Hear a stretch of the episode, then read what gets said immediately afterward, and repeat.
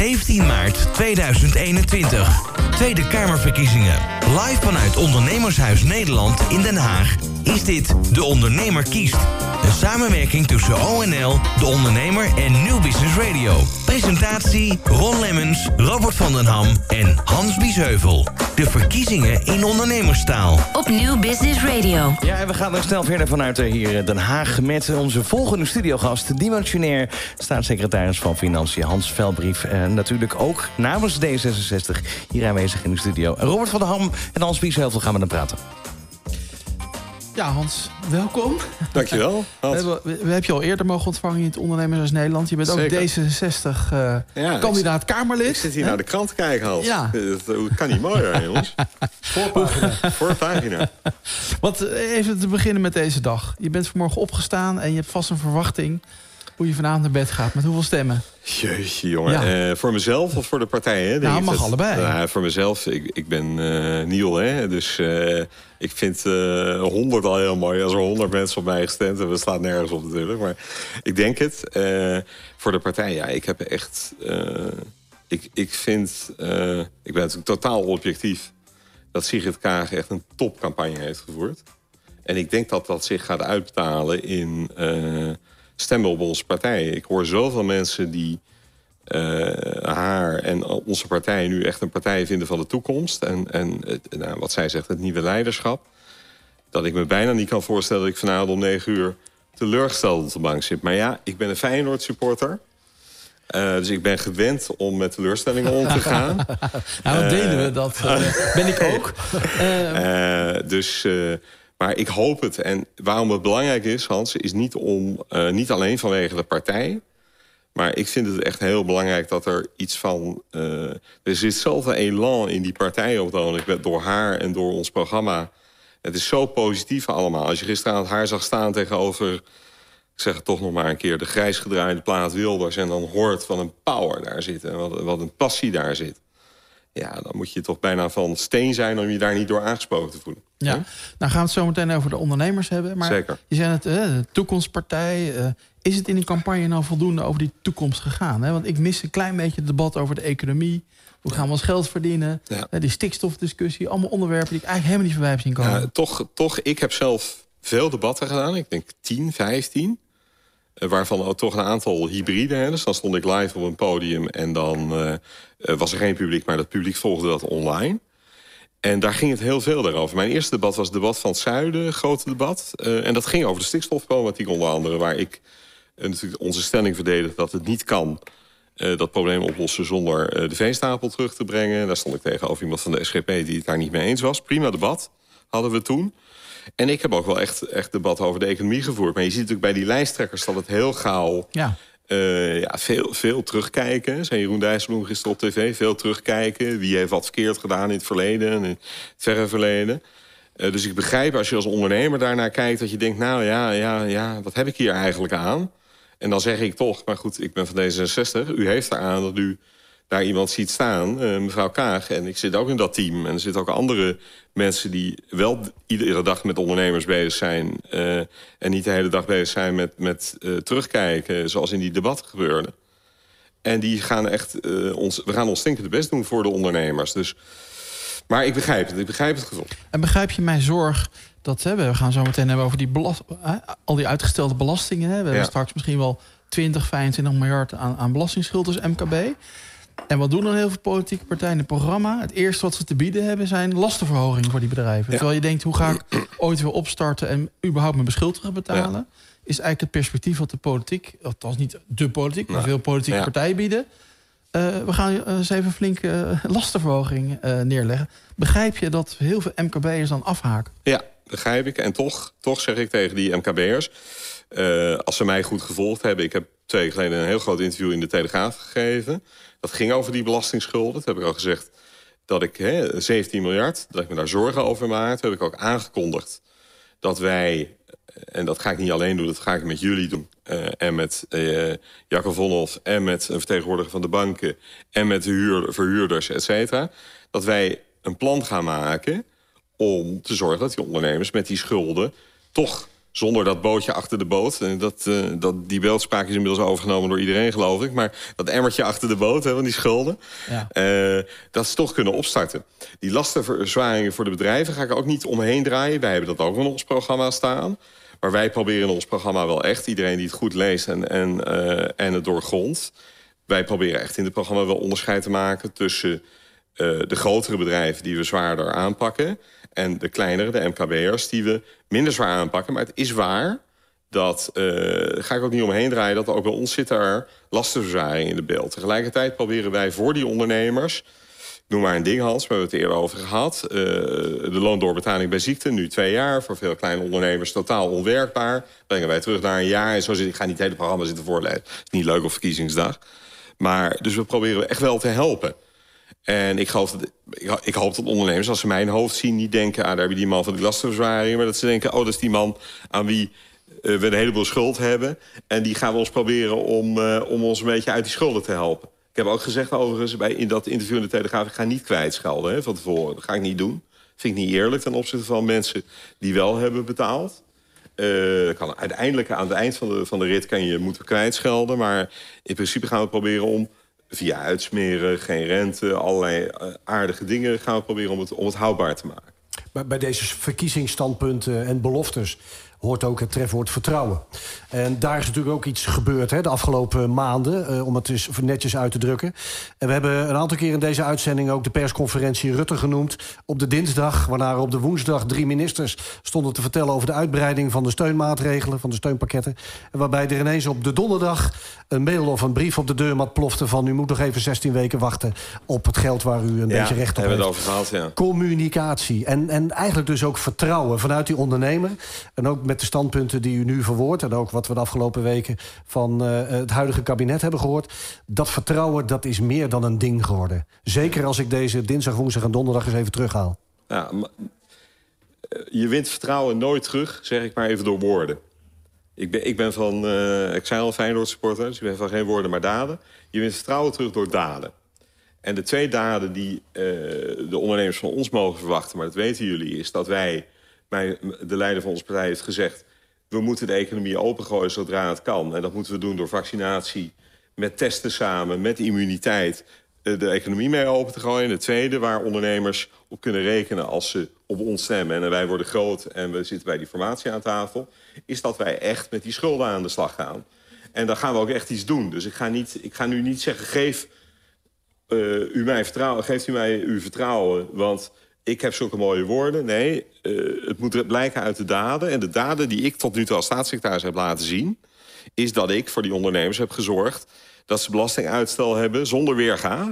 Wij zijn daar echt heel soepel in. En toch even ter verdediging rond die TVL en die NOW... en alle problemen die daarmee zijn. Ja, daar zijn, hè, het is lastig dat dat laat komt, et cetera. Maar het zijn wel de meest ruime programma's in Europa. En ik wijs er nog maar een keer op dat wij, vergeleken bij alle andere landen om ons heen... het erg goed doen qua faillissementen, werkloosheid, et cetera. Ik begrijp alleen, wat Hans zegt begrijp ik zo goed... ja, het moet geen uitgestelde dood zijn, geen uitgestelde executie. Dus straks moet dat weer opstarten. En dan moet er toch echt wat gebeuren met die schulden. Dat begrijp ik eh, donders goed. Ja. ja, en ik denk dat de boodschap ook moet zijn... Hè, we hebben net met MKB doorgaan ja. gesproken... Ja. Hè, dat die uh, schulden niet alleen uh, gaat over belastingsschulden... Hè, maar ook ja. over uitgestelde huur uitgestelde aflossing bij de, bij de financier. Uh, soms premies nog niet af kunnen dragen. Uh, allemaal ja. dingen meer. Dus het is, het is een complexe situatie voor ondernemers om overzicht te houden. Dus ik doe ook een beroep op jou straks. Ook als je straks in de Kamer zit of meer in een kabinet komt. Dat weten we allemaal nog niet. Maar kijk ook naar de dienstbaarheid van de overheid richting die ondernemers. Het is niet alleen je mag weer open. Niet alleen je hebt er steun gehad. Maar we moeten ook een klein beetje helpen er doorheen te komen. Ja, maar ze kunnen echt, dat zei ik al toen wij stonden voor te praten, Hans. Ze kunnen echt op ons rekenen. We gaan echt, we hebben niet die bedrijven allemaal, die ondernemingen allemaal geholpen... om straks uh, over twee of drie maanden te constateren dat helft failliet gaat. Dat ja. kan natuurlijk nooit de nee. bedoeling zijn. Nee. Het heeft miljarden gekost, deze grap. Uh, het is helemaal geen grap, het is een ramp. En we moeten proberen met elkaar om nu te zorgen dat we ook uit die crisis... maar ik heb me steeds, ik heb me al vanaf een half jaar geleden... meer zorgen gemaakt over het pad uit de crisis... dan die lockdown zelf, die natuurlijk een ramp waren voor een ondernemer. Maar voor ons is het moeilijkste, hoe ontwerp je nou, hoe doe je het nou zo... Dat die ondernemers inderdaad iemand hebben met wie ze kunnen praten. Ze niet naar vijf schuldloketten te hoeven. Precies. Om maar zo'n voorbeeld te geven. Hè? En straks er echt uit kunnen komen. Er zullen overigens ondernemers ook failliet gaan. Hè? Maar dat, dat weet jij natuurlijk ook. Die, die zijn er al en die komen er nog meer. Maar laten we nou proberen met elkaar dat zoveel mogelijk te beperken. Dat is toch de hele ja, purpose of the exercise, zoals de Britten zo mooi zeggen. Ja, nou, nou hoeven we niet het gesprek wat we volgende week gaan houden... hier helemaal over, uh, vast te gaan voordoen. maar toch één punt nog, ja. wat ik van veel adviseurs hoor. Ja. Is er maatwerk mogelijk als het gaat om die, bijvoorbeeld die belastingsschuld? Hè? Want, ja. Kijk, we horen nu bij heel veel regelingen... ja, maatwerk is onmogelijk, hè? want het gaat, snelheid gaat voor... Maar ja, de ene, ene sector is de andere niet. De ene ondernemer is de andere niet. Is er maatwerk mogelijk? Ja, aan het eind, hè, wat, wat ik denk hoe we het rond de belastingsschulden gaan doen... maar ik moet er, nogmaals, moeten erover praten. We gaan erover praten. Maar wat ik in de Telegraaf heb gezegd... we gaan generiek kijken naar de termijnen. Wanneer begin je? Naar de rente. Dan kun je daarachter je voorstellen, Hans, dat je per sector... maar dat is altijd lastig om per sector onderscheid te maken voor de Belastingdienst... maar we naar kijken dat je per sector, hè, de, de horeca is zwaarder getroffen dan andere bijvoorbeeld, om een voorbeeld te geven. En aan het einde van het verhaal staat altijd nog, als je echt moet gaan saneren in schulden, is per definitie maatwerk. Het gaat om 250.000 bedrijven, mensen. 250.000 bedrijven, als ik daar maatwerk op moet toepassen... dan zitten we in het jaar 2138, denk ik. Hè? Dus dat, dat, dat gaat het niet worden. Dus we moeten een combinatie kiezen... een, een intelligente combinatie tussen maatwerk... en tussen, zeg maar, generieke aanpassing. Ja, want het is, het is natuurlijk, ik snap dat antwoord. Ja, hè? tuurlijk. Uh, tegelijkertijd, ja, het is voor mensen hun levenswerk. Hè? We stonden hier net met een bowlingondernemer die al 25 jaar met zijn partner samen een bowlingcentrum runt en al negen maanden dicht is. En met die schulden het, is een ramp. Het is een ramp. conflict met zijn verhuurder zit. Het is een ramp. En elke dag opstaat en denkt, hoe kom ik de dag weer door? Nee, maar ik kan mij, ik bedoel, ik heb je al eens eerder verteld, ik ben zo van een ondernemer, die had een limonadefabriek. En bij ons was altijd de sfeer in de zomer hing sterker af thuis, hoe goed het weer was. Ja. Dus als we een slechte zomer hadden, dan verkocht hij minder limonade. En dan, was het, uh, dan kwam hij zuchtend thuis. En mijn, mijn vader, een typische ondernemer. Of hij zuchtte, of hij was dolblij. Een typische ondernemer. Dat is, uh, hè, dus ik herken dat zo ontzettend. En als jij natuurlijk uh, bent dicht geweest door... niet door slecht weer, maar nu door, die, door, die, door dat klotenvirus... om het maar eens even op Zonderlands te zeggen... ja, dan, dan, dan is dat een ramp. Daarbij is wel belangrijk, belangrijk wat jij net zei... het is wel belangrijk dat wij als overheid inderdaad vertrouwen uitstralen. Daarom maakte ik ook dat punt over die vaccinatie met het testen. Hè? Wanneer kun je nou weer open? Het is natuurlijk ontzettend belangrijk. Je ziet nu die besmettingen weer oplopen. Het is belangrijk dat gewoon we nu als kabinet een heldere koers blijven varen. Namelijk het virus bestrijden is nummer één. Dat willen we allemaal. We willen er gezond uitkomen. En er gaat open wat er open kan. En daar moeten we zulke slim mogelijke combinatie voor het kiezen. Dat is, dat is hopelijk wat we uitstralen met elkaar. Ja. Wat, wat we veel ook terug horen en wat we in de praktijk ook zien natuurlijk vanuit uh, de ondernemers die ook ons uh, weten te vinden, uh, zijn de uitvoerende instanties. Ehm, ja. De partnertoets, het afschaffen daarvan, ja. wat nota bene niet doorgaan met dit als een van de redenen. we hebben het net over vertrouwen, we hebben het ook over woorden en daden. Nou zijn die problemen natuurlijk niet heel snel op te lossen, dat is helder. En er wordt ook hard gewerkt. Maar hebben we dit niet een heel klein beetje aanzien komen? Nee, ik denk dat je daar moet je aardiger zijn voor de uitvoerders. Als ik die verhalen hoor over de Rijksdienst voor Ondernemend Nederland, RVO... Die jongens zitten echt tot hun oren in het werk. Die kunnen dus ook geen veranderingen meer aan in de regelingen omdat als er een verandering komt, dan, dan stort gewoon de boel in. Bas van het Woud, minister van EZ, heeft al in de Kamer een keer gezegd... toen de Kamer weer meer wilde, gezegd van... ja jongens, als jullie nog meer willen, maak je het alleen maar minder makkelijk. He, dus steeds die filosofie van die pakketten is steeds geweest... van Koolmees, Hoekstra en uh, Wiebes en, en de drie staatssecretarissen... was steeds de filosofie van de pakketten zo simpel mogelijk... zodat we ze kunnen uitvoeren. Maar ja, wat er op een gegeven moment natuurlijk gebeurde... onvermijdelijk, is dat iedereen ontdekte een eigen sector... En we hebben de ballonvaart gehad, alle voorbeelden. Allemaal belangrijk. Ik bedoel, er helemaal niks aan af. Maar iedereen ontdekte een eigen sector waar dan weer wat voor moest gebeuren. Dus ik neem daar die uitvoerders een beetje in bescherming. He, de simpele redenering, ja, dat had je toch kunnen weten. Ja, nou ja, nee, ze hadden het niet kunnen weten. Ik kan me nog herinneren, een jaar geleden zat ik op mijn kamer hier, 100 meter verder. En zei ik tegen de Belastingdienst, ik wil de belasting uitstellen. Generiek voor iedereen. Ja, maar staatssecretaris, dat kan helemaal niet. Ja, maar ja, ik wil het toch. Niet omdat ik het wil, maar omdat, omdat die economie moet overleven. Ja, ja. En die jongens hebben, en meisjes hebben dat wel geregeld uiteindelijk. Hè? Dus ik bedoel, zit, daar zit ook iets van wederkerigheid zou daar wel in mogen zitten. Ik begrijp de problemen van de ondernemers. Maar die ondernemers, als die uh, zich verdiepen in wat zo'n RVO en de Belastingdienst en de UWV allemaal aan moeten, zullen ze ook begrijpen dat het niet eenvoudig is. Dat zeg ik er maar bij. Hè? En de, dus eigenlijk de spagaat waar we het nu over hebben. Hè? Want op het moment dat er uh, mogelijke nieuwe overheidsmaatregelen gaan komen... Ja. dan kan het toch niet zo zijn dat de reden waarom het weggestemd wordt... het uitvoerende orgaan is wat het niet aankomt. Nee, maar daarom moeten wij ook zo goed met elkaar praten. Daarom moeten wij zo goed met elkaar praten, volgende week en de weken die erna komen... over die hele aanpak van die schulden, zodat we een systeem maken wat ook uitvoerbaar is. Da daarom eh, ik bedoel, trek ik me dit aan Ja. en ik wil iets doen wat, wat werkt. Hè?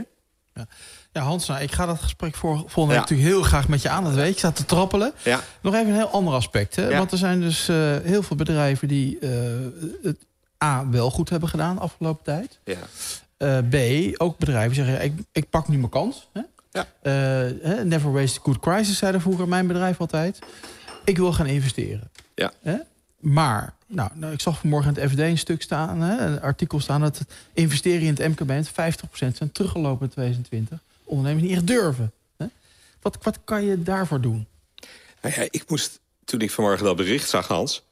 moest ik natuurlijk een beetje lachen. En je begrijpt natuurlijk waarom. Ja. Niet vanwege het bericht. Maar ik heb in de Kamer heb ik de eh, baangerelateerde investeringskorting zitten verdedigen... tegen een zeer sceptische Tweede Kamer. Oh, dan was dat allemaal wel nodig en een cadeautje voor de grote bedrijven. En ik zei steeds, mensen, investeringen staan onder druk. Investeringen ook bij MKB worden moeilijk. En we moeten proberen dat te ondersteunen. Daarom is die bikker gekomen. Hè, dus, en daarom moet je straks in dat plan, hè, als je dat, dat grotere plan maakt, buiten schulden om, voor de herstart van de economie, zul je heel goed moeten nadenken. Dat pak even jouw eerdere opmerking terug over de lastenverzwaring. Wat doe je dan wanneer? Ja. Wat Ja. doe je nou wanneer? Ik bedoel, Ja. het is niet logisch dat je nu met een gigantische lastenverzwaring gaat komen in 2022. Dat is niet zo logisch. Dat lijkt me niet een goede timing. Dat lijkt me nee, goede timing. dat, nee. nee, maar dat zei jij en daar ben ik Ja. het ook mee eens. Het zit allemaal in timing hier. Ja. Tegelijkertijd is het ook waar. Hè, het linkerdeel van de Kamer zegt dan tegen mij... ja, maar meneer Veilbrief, de staatssecretaris... er zijn ook bedrijven die geweldige winst hebben gemaakt. Dan zeg ik, ja, dat is waar. Dus die mogen ook best wel betalen. Eh, sommige mensen zeggen, moet je niet specifiek de bedrijven... die extra winst hebben gemaakt door de crisis... moet je die niet extra gaan belasten... Ja, dat is een uitvoeringsnachtmerrie natuurlijk. Ja, Hè? Daar kun je ja, iets bij voorstellen. hè? Dat is net zo moeilijk als wat, jij, wat jullie net zeiden. Ik probeer per sector dan bij dat... Het, is allemaal, eh, ja, het kan, maar Hoe je maakt- organiseer je het, hè, Hoe dan? organiseer je het? Het moet wel allemaal gebeuren. Ja. Dus ik ben nog steeds... Hans, het laatste woord, sorry. Maar het laatste woord, ik ben nog steeds... bij die keuze die toen door de trojka en de staatssecretarissen gemaakt is... we doen het grof, we doen het snel... en we gooien er een hele hap geld in... Ja, ik denk dat heel veel mensen daar, die trojka, dankbaar voor mogen zijn... dat toen die lijn gekozen is. Als we toen heel precies waren geweest... Nee, ik begrijp hem. Nog even terug naar dat investeren. Want ik denk, ik denk zelf dat het heel belangrijk is dat de bedrijven die wel kunnen en willen, Ja. hè, die kunnen locomotief natuurlijk zijn Ja.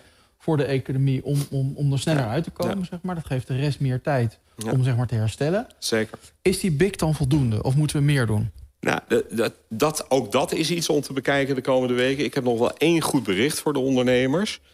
Wat er altijd gebeurt op dit soort momenten. Hè, er is, ik weet niet hoe het bij jou thuis is, maar bij mij... eh, ik heb weinig geld uitgegeven de afgelopen tijd. Ik ben toch niet zo'n spender. Maar ik heb weinig geld. Ik heb hobby's. Ik lees graag. eh, ik heb geen boek gekocht de afgelopen tijd. Dus ik zei tegen mijn dochter van de week... we moeten snel gaan klikken en collecten bij de plaatselijke boekhandel. Dan gaan we de boekhandel leegkopen. nee, maar er zit natuurlijk wel veel geld bij mensen. Ja. Er zit veel geld bij mensen. Ja. Dus ik denk dat als die economie open gaat... zal het niet liggen aan de bestedingen. Mensen gaan wel kopen. Mensen gaan wel kopen. Dan is even de vraag, en daar kom je op het herstelpakket. Hoe zorg je er nou voor dat die ondernemer ook qua balansverhoudingen... allemaal niet in de details gaan, maar heeft hij voldoende eigen vermogen... Nou ja, om de bijvoorbeeld. investeringen? hè? Ja, dat zijn Ja. wel die dingen. Maar ja, daarom wil ik ook graag volgende week... als we bij elkaar gaan zitten, gaan we ook niet alleen met elkaar zitten... maar moeten de banken ook bij zitten. Want de banken zijn uiteindelijk hè, degene die eh, vermogen verstrekken aan bedrijven... en niet de overheid. Maar kan je zeggen, niet vooruitlopend op het gesprek dan, maar toch maar even, die banken, daar voel je niet echt welkom als MKB op dit moment hoor. Echt Nee, niet. maar dan hebben ze de staatssecretaris van Financiën hebben ze achter zich staan. en ik ken de baas van de Nederlandse Vereniging van Banken heel goed. En die gaan we dan gewoon, daar gaan we samen gezellig mee praten. We gaan, echt, we gaan er echt wat van maken. We gaan echt wat van maken. De ondernemers mogen dat vertrouwen hebben in ieder geval. Hans Veilbrief, demissionair staatssecretaris van Financiën. Dank voor je komst naar het Ondernemershuis Nederland hier in Den Haag. Jullie bedankt. 17 maart 2021. Tweede Kamerverkiezingen. Live vanuit Ondernemershuis Nederland in Den Haag is dit De Ondernemer kiest.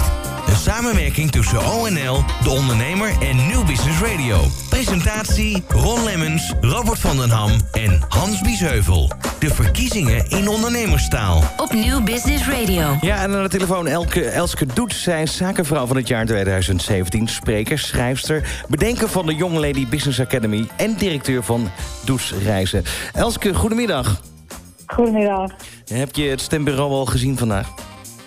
Ja, ik heb een kort vooraf vanochtend al gestemd. Was het, was het druk? Hoe, hoe, ging dat daar eh, bij jouw stembureau? Ja. En volgens mij was ik een van de enige, want de, of de eerste, want de handgel die was nog niet eh, ontkoppeld. El- Elske, de branche waar jij actief in bent, de toerismebranche... is eh, een van de eerste branches die geraakt is door de coronacrisis een jaar geleden. Zo niet de eerste eh, branche. Als we eens eh, terugkijken op dat jaar en zeker ook op jouw bedrijf en je bedrijfsvoering. Ja, we kunnen het niet Ja. samenvatten in, in dit uur, denk ik. Maar er is waanzinnig veel op jullie afgekomen. Ja, klopt. Eh, ik heb afgelopen vrijdag mijn eerste crisisjubileum eh, gevierd. Want zit crisisjubileum, ja. eh, ja, dat is eigenlijk natuurlijk helemaal niet feestelijk. Want ik ben dus inderdaad precies een jaar nu in crisis. En ja, het is heel heftig. Dat betekent eigenlijk dat ik gewoon een jaar geen omzet heb. En ik kan gewoon bijna geen reizen uitvoeren. En er is vorig jaar ook heel veel omzet. eh, want je bij boeken altijd een beetje cyclisch, dus vooruit voor mensen die in de zomer gaan reizen. Heb ik ook verloren. Dus ik heb zelfs negatieve omzet. Dus ik ben eigenlijk nu winkeltje aan het spelen, wat natuurlijk verschrikkelijk veel geld kost. Want het is natuurlijk al wel hartstikke leuk dat we steun toegezegd krijgen en ook in bepaalde mate krijgen. Maar dat dekt natuurlijk maar zeer beperkt de kosten die je maakt als bedrijf. In mijn geval is dat eh, maar een vierde van alle kosten. Want als we doetsreizen een jaar geleden bekijken en anno nu, Elske... wa- wat zijn dan Ja. de, de, de grote verschillen? Hoe anders is jouw bedrijfsvoering geworden... en bijvoorbeeld ook het team waar je het allemaal mee doet? Ja. Nou ja, ik werkte vorig jaar met een team van ongeveer eh, 40 fulltimers. En eh, ja, daar heb ik natuurlijk helaas eh, een sanering in moeten doen. Eh, dus dat betekent dat we nu nog met 15 mensen eh, werken. Dus eh, ja, het is een enorme aderlating, omdat ik echt een familiebedrijf ben met Ja. ook heel veel trouwe medewerkers. Dus dat is heel heftig als je mensen moet ontslaan die meer dan 20 jaar bij je in dienst zijn. Want dan heb je natuurlijk toch wel een, meer dan een werkband. En ja, hun, hun ging het natuurlijk ook enorm aan het hart. Je moet eigenlijk het zo zien dat ik in één dag van een winnaar een verliezer ben geworden. Maar desalniettemin, eh ik ben ook heel erg optimistisch van aard, ben ik wel een maand na de acute fase zeg maar, van de crisis, crisis eh, wij moesten natuurlijk heel veel reizigers terughalen uit Amerika en Canada, want dat zijn belangrijke bestemmingen voor ons. Ja. Maar toen zijn we toch wel meteen gaan beginnen met eh, innoveren. En hebben wij ook een nieuwe vorm van reizen uitgevonden die ja, ook veel meer aansluit eh, op reizen in de toekomst. Wat ook duurzamer is, maar eigenlijk ook veel meer de behoefte beantwoordt van reizen.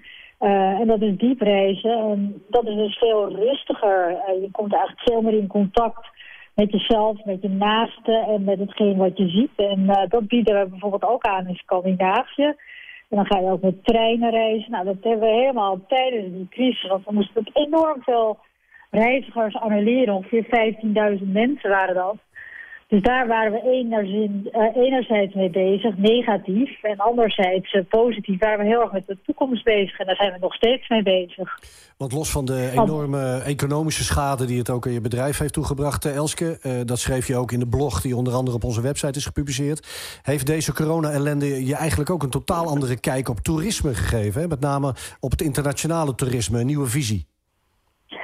Ja, het klopt. Ehm, kijk, eh, ik vind ook dat je zo'n crisis overkomt. je. En ehm, dat is niet te wijten aan eh, mijn ondernemerschap. Hè. Dat is te wijten aan de pandemie.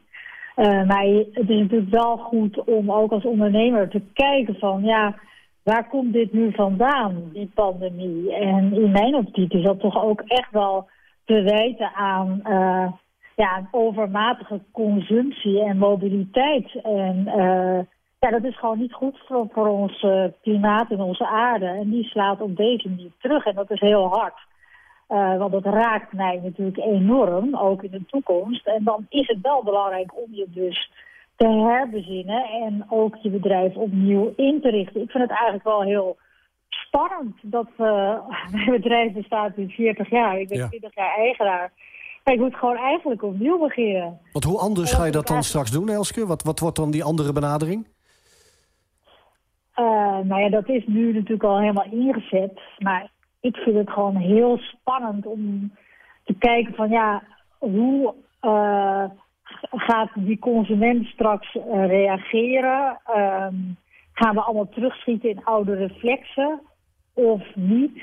Uh, er is natuurlijk een enorme correctie ook in capaciteit al gaande sinds vorig jaar. Dat betekent dat er eigenlijk ja, heel veel hotels en uh, camperleveranciers en ook luchtvaartmaatschappijen capaciteit eruit halen. Dus dat betekent dat ook reizen veel schaarser wordt. Dus er is eigenlijk al een soort correctie bezig.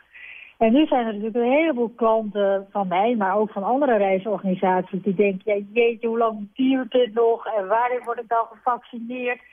En waarin kan ik dan weer op reis? En die willen natuurlijk allemaal ja, eigenlijk geld terug van dat voucher. Maar het is echt belangrijk om nu al plannen te maken voor volgend jaar. Want het is zonde als je nu eigenlijk niks doet. Je moet nu al gaan plannen. En als je zekerheid wil, doe dat dan voor volgend jaar. Want dan heb je nog beschikbaarheid nu. En ja, die regiefunctie van die branche, van die reisbranche, is ongelooflijk belangrijk. En dat probeer ik ook tussen de oren van Den Haag te krijgen.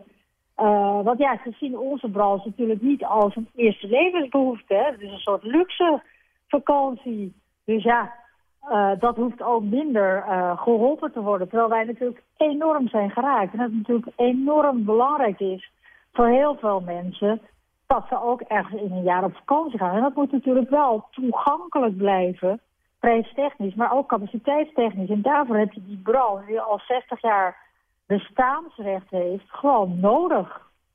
Hans Biesheuvel, de ONL-voorzitter, hier natuurlijk ook in het ondernemershuis. Hans, de beeldvorming van die toerismebranche, zoals Elske hem nu beschrijft.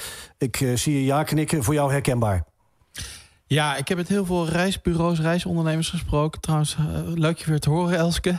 En, uh, ja, ja. Ja, en uh, ik vind het heel knap dat optimisme wat jij nog steeds uitstraalt. Dat lukt niet bij elke ondernemer, merk ik. Uh, maar ik herken het wel. Het is, is meer ja, niet need to have. Hè? Dat is het idee van de politiek een klein beetje, dat reizen. Dus staat inderdaad achter in de rij. Um, maar die ondernemers die minder optimistisch zijn van nature dan jij, Elske. Hè? Um, wat, wat heb je voor tips aan die mensen die nu zitten te luisteren en denken... ja, wat, wat kan ik dan doen exact? Hè? Hoe, hoe, hoe ga ik dat nou, dat plan voor mezelf uitrollen de komende tijd?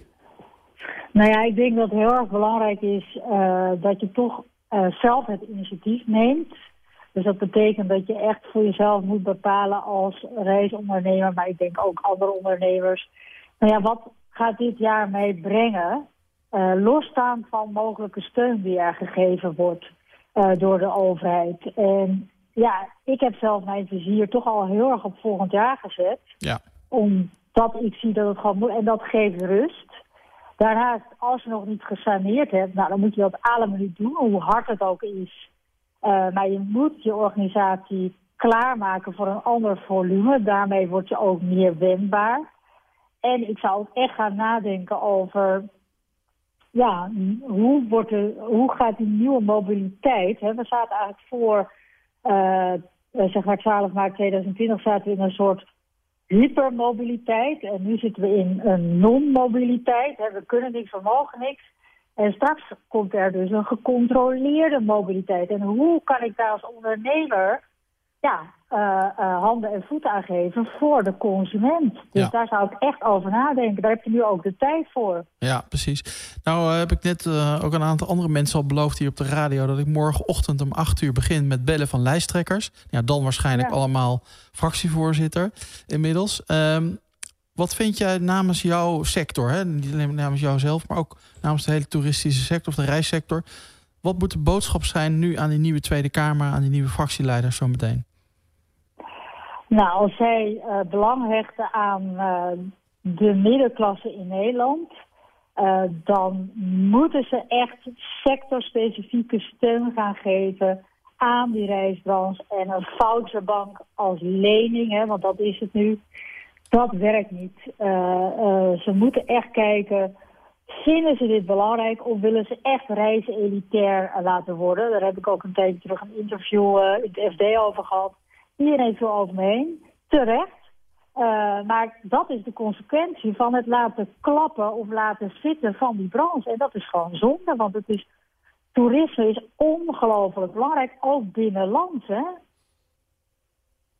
Elske, tot slot nog even over de reisfoutjes. Uh, de discussie van dit moment ook. En dan vooral de, de, de support vanuit Europa.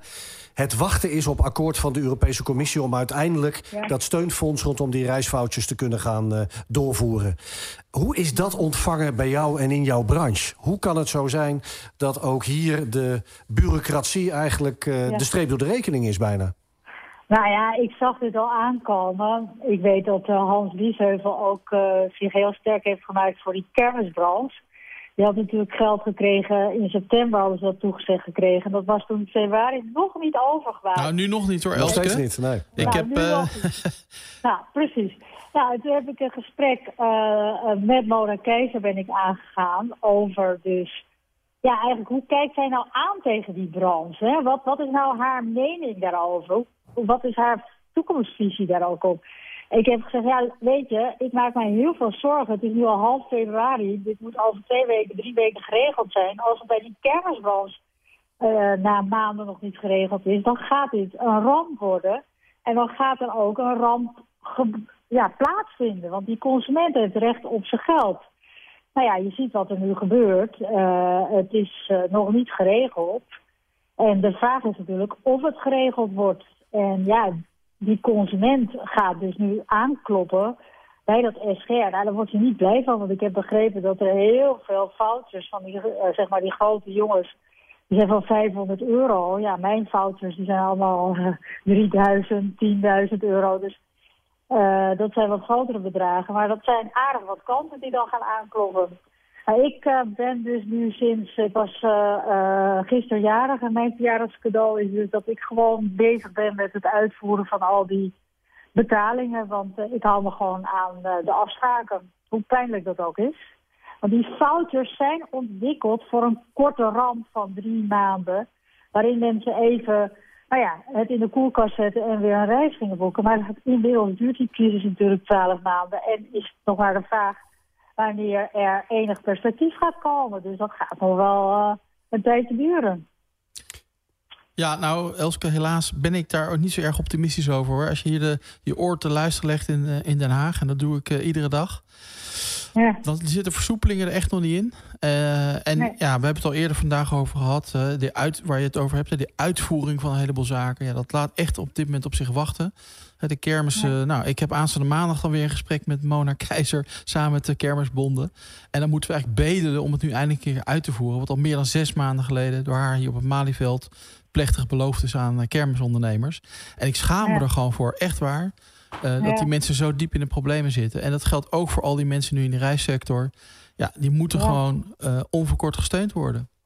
Ja, maar weet je wat je dus nu gaat krijgen? We hebben net uh, een toeslagenaffaire afgerond. Nou, die mensen hebben ook nog steeds hun geld niet gehad.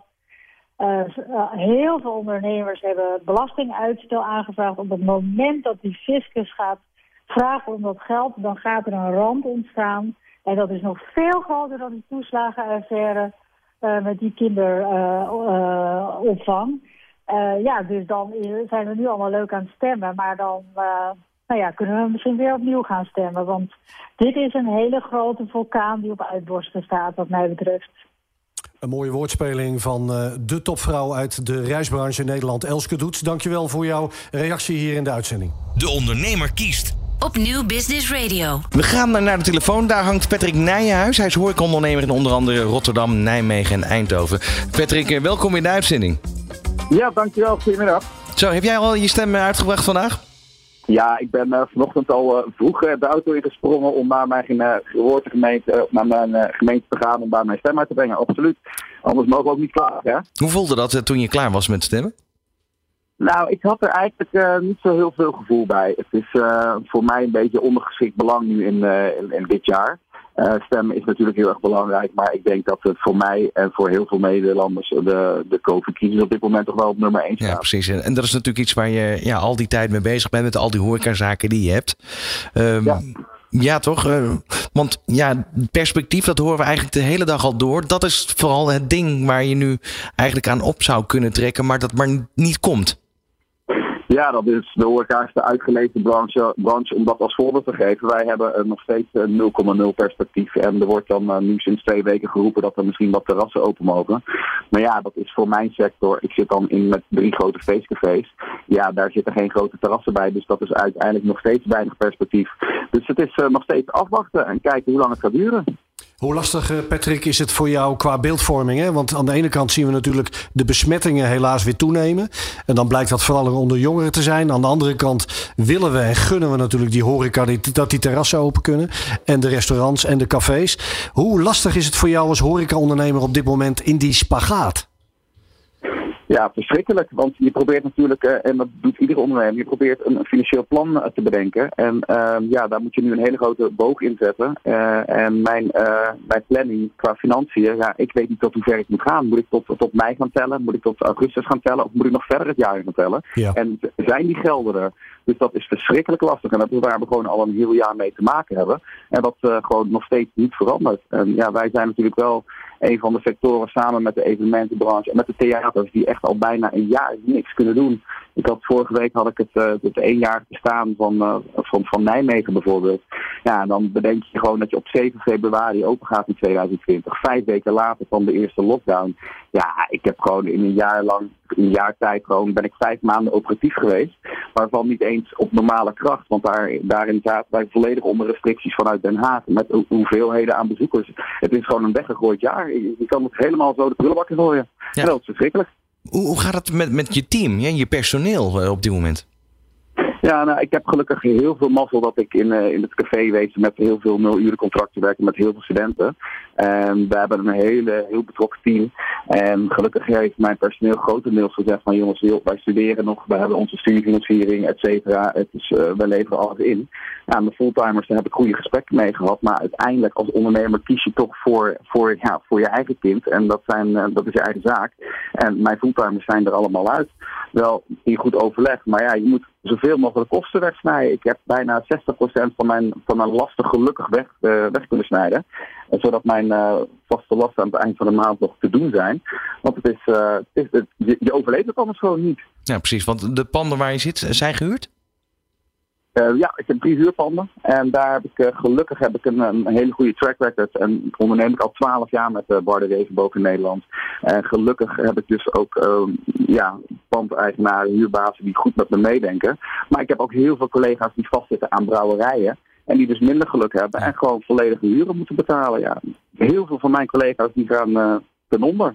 En is het niet net nu, en dat hoorde ik net in, het vorige gesprek ook al, uh, zijn, zijn de ondernemers die zometeen vrolijk open gaan, ja, die gaan erachter komen dat ze te veel schulden, schulden hebben, te veel lasten hebben opgenomen en straks gewoon een betalingsverplichtingen niet na kunnen komen. En die gaan als een paar maanden vallen. Dus ja, er, gaat binnen horecaland gaat er nog wel een, een dominootje en een omvaleffect plaatsvinden. Ja, Patrick, hier Hans Biesheuvel van Ondernemend Nederland. Uh, Waar haal je de moed vandaan om het vol te houden? Want ik spreek on zo ontzettend veel ondernemers die nou ja, het vergelijkbare verhaal hebben wat jij nu houdt. Waar haal je de moed vandaan om het vol te houden? Ja, dat, dat wordt mij vaker gevraagd. Ik heb, uh, ik heb een hele lastige situatie gehad. Ik heb uh, net een, een, derde zaak geopend met een eigen investering van heel veel geld en heel veel op afkoop gedaan. Ik heb uh, bijvoorbeeld mijn drie bedrijven die stonden als nevenvestigingen in een FOS. dat betekent dus dat je maar één KVK-nummer hebt en dat je dus ook maar met één, ja, één nummer helaas aanspraak kan maken. Dan nog eens een nieuw bedrijf. Dus ik heb eigenlijk de drie bedrijven die ik heb, die zeker de laatste is de grootste en de duurste, daar heb ik gewoon geen vergoedingen voor gekregen. Geen TVL voor gekregen, helemaal niks. Dus ik heb met uh, de, cijfers van één bedrijf, heb ik er bijna omhoog moeten houden. Dus ik heb er sowieso alweer een hele lastige situatie gehad, waarop, uh, ja, dat heb ik ook al vaker bij jullie gehoord, het maatwerk heel erg van toepassing was geweest. En ik begrijp goed dat maatwerk er niet is, omdat je voor het grote plaatje gaat. En dat is uh, zo snel mogelijk hulp gaan, gaan, brengen en steun gaan brengen. Ja, dat gaat helaas niet met maatwerk, maar ik ben daar een van de slachtoffers van. Ik heb gelukkig een heel fijn netwerk om me heen met vrienden en mensen die ehm, de zaken kennen, die mij kennen als ondernemer en die mij heel erg hebben gesteund en geholpen. Heel veel anderen hebben dat niet. Dus ik prijs mij daar heel erg gelukkig mee. Ja, en hoe hou je dat vol? En ja, dat hou je maar op één manier vol. En dat is doordat je zelf gewoon wel positief bent. Weet wat voor bedrijf je hebt. Dat je bedrijven gewoon in normale tijd heel gezond zouden zijn. En heel goed zouden draaien. Dus daar hou je aan vast. Maar het is uh, mentaal misschien uh, nog wel een grotere opgave om dat allemaal gezond en, en, en goed te houden in je hoofd. Maar ja, dat, uh, als ondernemer zijn, zie ik het altijd maar zo. Het zijn mijn kinderen. Dus op een gegeven moment schakel je gewoon uit en ga je in een overlevingsmodus. En um, dan schakel je jezelf even weg. En zodra straks alles weer draait, ja, dan ga ik wel eens even nadenken wat er dit jaar allemaal gebeurd is. En dat eventjes een plekje gegeven. Maar voor, vooralsnog is het schouders eronder en nog steeds naar de toekomst kijken. Ja, en leven van persconferentie naar persconferentie, Patrick, kan ik me zo voorstellen. Maar inmiddels ook leven van kort geding naar kort geding. Want zowel in retail, maar ook Koninklijke Horeca Nederland... die heeft de gang naar de rechter gemaakt om de staat aan te klagen. In hoeverre ligt daar nog voor jou enig vertrouwen in... komt het woord toch nog een keer perspectief? Ja, nou dat woord vertrouwen, dat is uh, ook al een heel moeilijk woord. Want ja. niet alleen het woord perspectief, maar het woord vertrouwen vind ik eigenlijk net zo, ik krijg daar net zo kippenvel van als het woord perspectief. Okay. Want vertrouwen hebben, dat horen we ook steeds vanuit uh, alle, alle kanten. Vanuit Den Haag, vanuit de gemeentes, vanuit, vanuit de minister-president, vanuit elke persconferentie. Vertrouwen, vertrouwen. Ja, dat vertrouwen heb ik eigenlijk gewoon helemaal niet. Het enige vertrouwen wat ik heb is in mijn eigen kracht en in mijn, uh, mijn eigen onderneming. En daar hou ik aan vast. Ik hou niet vast aan het woordje perspectief of het vertrouwen hebben. Ik vecht voor mijn eigen, noem ze nog maar eens mijn kinderen. Ik vecht voor mijn eigen zaken. En um, dat doe ik eigenlijk toch wel een, beetje op een egoïstische manier en uit eigen kracht. En niet op wat er allemaal verteld wordt. En niet van persconferentie naar persconferentie. Het is echt een beetje ja, mijn eigen plan trekken nu. En, en toch ook, Patrick, laten we het burgerlijke ongehoorzaamheid op een nette manier even noemen. Heb jij destijds toch ook niet in de verleiding gestaan om te zeggen van jongens, ik gooi alles open? Oh, absoluut. Maar je weet ook dat uh, ja, je, je bent niet de enige wie dit overkomt. En kijk, ik kan ook wel zeggen van ik gooi mijn zaken gewoon open en ik zet mijn terras neer en ik ga drankjes verkopen. Ik zit niet te wachten op dan weer een sanctie of een vergunning die ik kwijtraak. Uh, dus het is gewoon niet slim om dat soort dingen te doen. En um, je kan, ja, je moet je gewoon overgeven. Als je je niet, niet overgeeft en je gaat jezelf helemaal gek maken, ja, dan, dat gaat gewoon niet werken. Je moet hier met z'n allen doorheen, kloten het ook allemaal is. Um, maar ja, lekker recalcitrant uh, je eigen weg gaan en uh, tegen de regels ingaan, dat, dat redt niemand. Of je nou op het Malieveld staat te demonstreren, of in Amsterdam, of je gooit je kroeg open. Wat niet mag, dat mag niet. En daar wordt op, uh, wordt op gehandhaafd. En ja, zo is het. Collega Ronde opende het gesprek met jou over vanochtend. Het vroeg, vroeg gaan stemmen. Waar je al eigenlijk al zei, helemaal geen gevoel bij, bij had. ik kan me ook zo voorstellen dat die afgelopen maanden ook wel de stem die je hebt uitgebracht veranderd heeft. Um, nou, dat dacht ik eigenlijk ook. Maar okay. ik ben toch um, trouw gebleven aan waar ik al heel lang op stem. Um, maar het, het, is gewoon heel erg frustrerend. Ook als je nu naar de hele politieke situatie kijkt. En naar de, al deze verkiezingen. Zeker als horeca zijn. En dan ga ik toch. En ik, ben, ik praat nooit over politiek of over geloof eigenlijk. Want dat moet je in de horeca, in de kroeg moet je dat nooit doen. Want het is toch nooit goed. En iedereen heeft zijn eigen mening. Dus dat brengt altijd een hoop ellende. Ik ga het toch even doen. Maar als ik bijvoorbeeld naar een campagne kijk van een Thierry Baudet. Dan zie ik daar hele pleinen zie ik daar vol staan. En nou, we hebben allemaal meegekregen hoe het is gegaan in Urk, handjes schudden. Dat is als ondernemer zijn er vrij frustrerend als jij een heel groot terras, een heel groot plein vol mensen ziet waarvan je weet van nou, dit is wat wij ook willen, maar daar wordt het gedaan en dat mag. Dat is het enige waar ik een beetje door geprikkeld ben geraakt. En politiek gezien, um, nee, heb ik ook iets in mijn hoofd zitten en dat is waar ik voor ga en daar geloof ik nog steeds in. Um, maar nee, ik, uh, ik heb me daar niet heel erg door laten afleiden. Het is, um, en dat weet iedereen, deze crisis wordt natuurlijk gigantisch gebruikt om goed zieltjes te winnen en om punten te scoren. En dat is volkomen, volkomen logisch bij een verkiezing, want je wil stemmen winnen. Ja, dan is deze hele situatie waar dit, deze hele wereld op dit moment in verkeert, het unieke moment om aan te pakken en om die stemmen te winnen. Dankjewel, horecaondernemer Patrick Nijenhuis. En zodra het weer kan, Patrick, we komen een biertje bij je doen. Ik uh, zeg uh, heel hartelijk welkom. Ik wil iedereen meteen, meteen even oproepen. Want ben zo commercieel als ze Doen, kom maar. Vooruit dan. Rekenboog.nl Breng een beetje kleur in je leven. Bestel sokken bij me. Bestel toiletpapier bij me. Want ik ben een hele creatieve ondernemer. En bij mij is alles te koop. Dus kom lekker kijken op de website www.bordenregenboog.nl. Veel, veel succes, Patrick. Veel succes. Live vanuit Ondernemershuis Nederland in Den Haag is dit De Ondernemer kiest. Op Nieuw Business Radio.